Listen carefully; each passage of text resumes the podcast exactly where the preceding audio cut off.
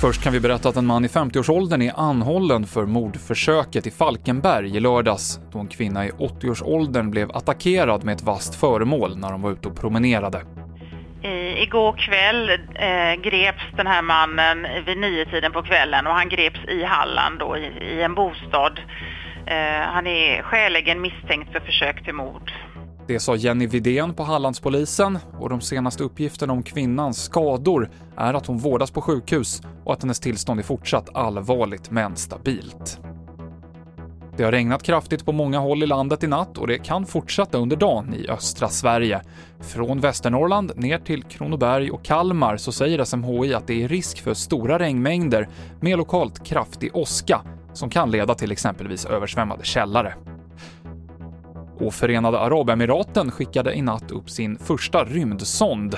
Sonden är på väg till Mars, där den ska lägga sig i omloppsbana för att studera planetens atmosfär och miljö.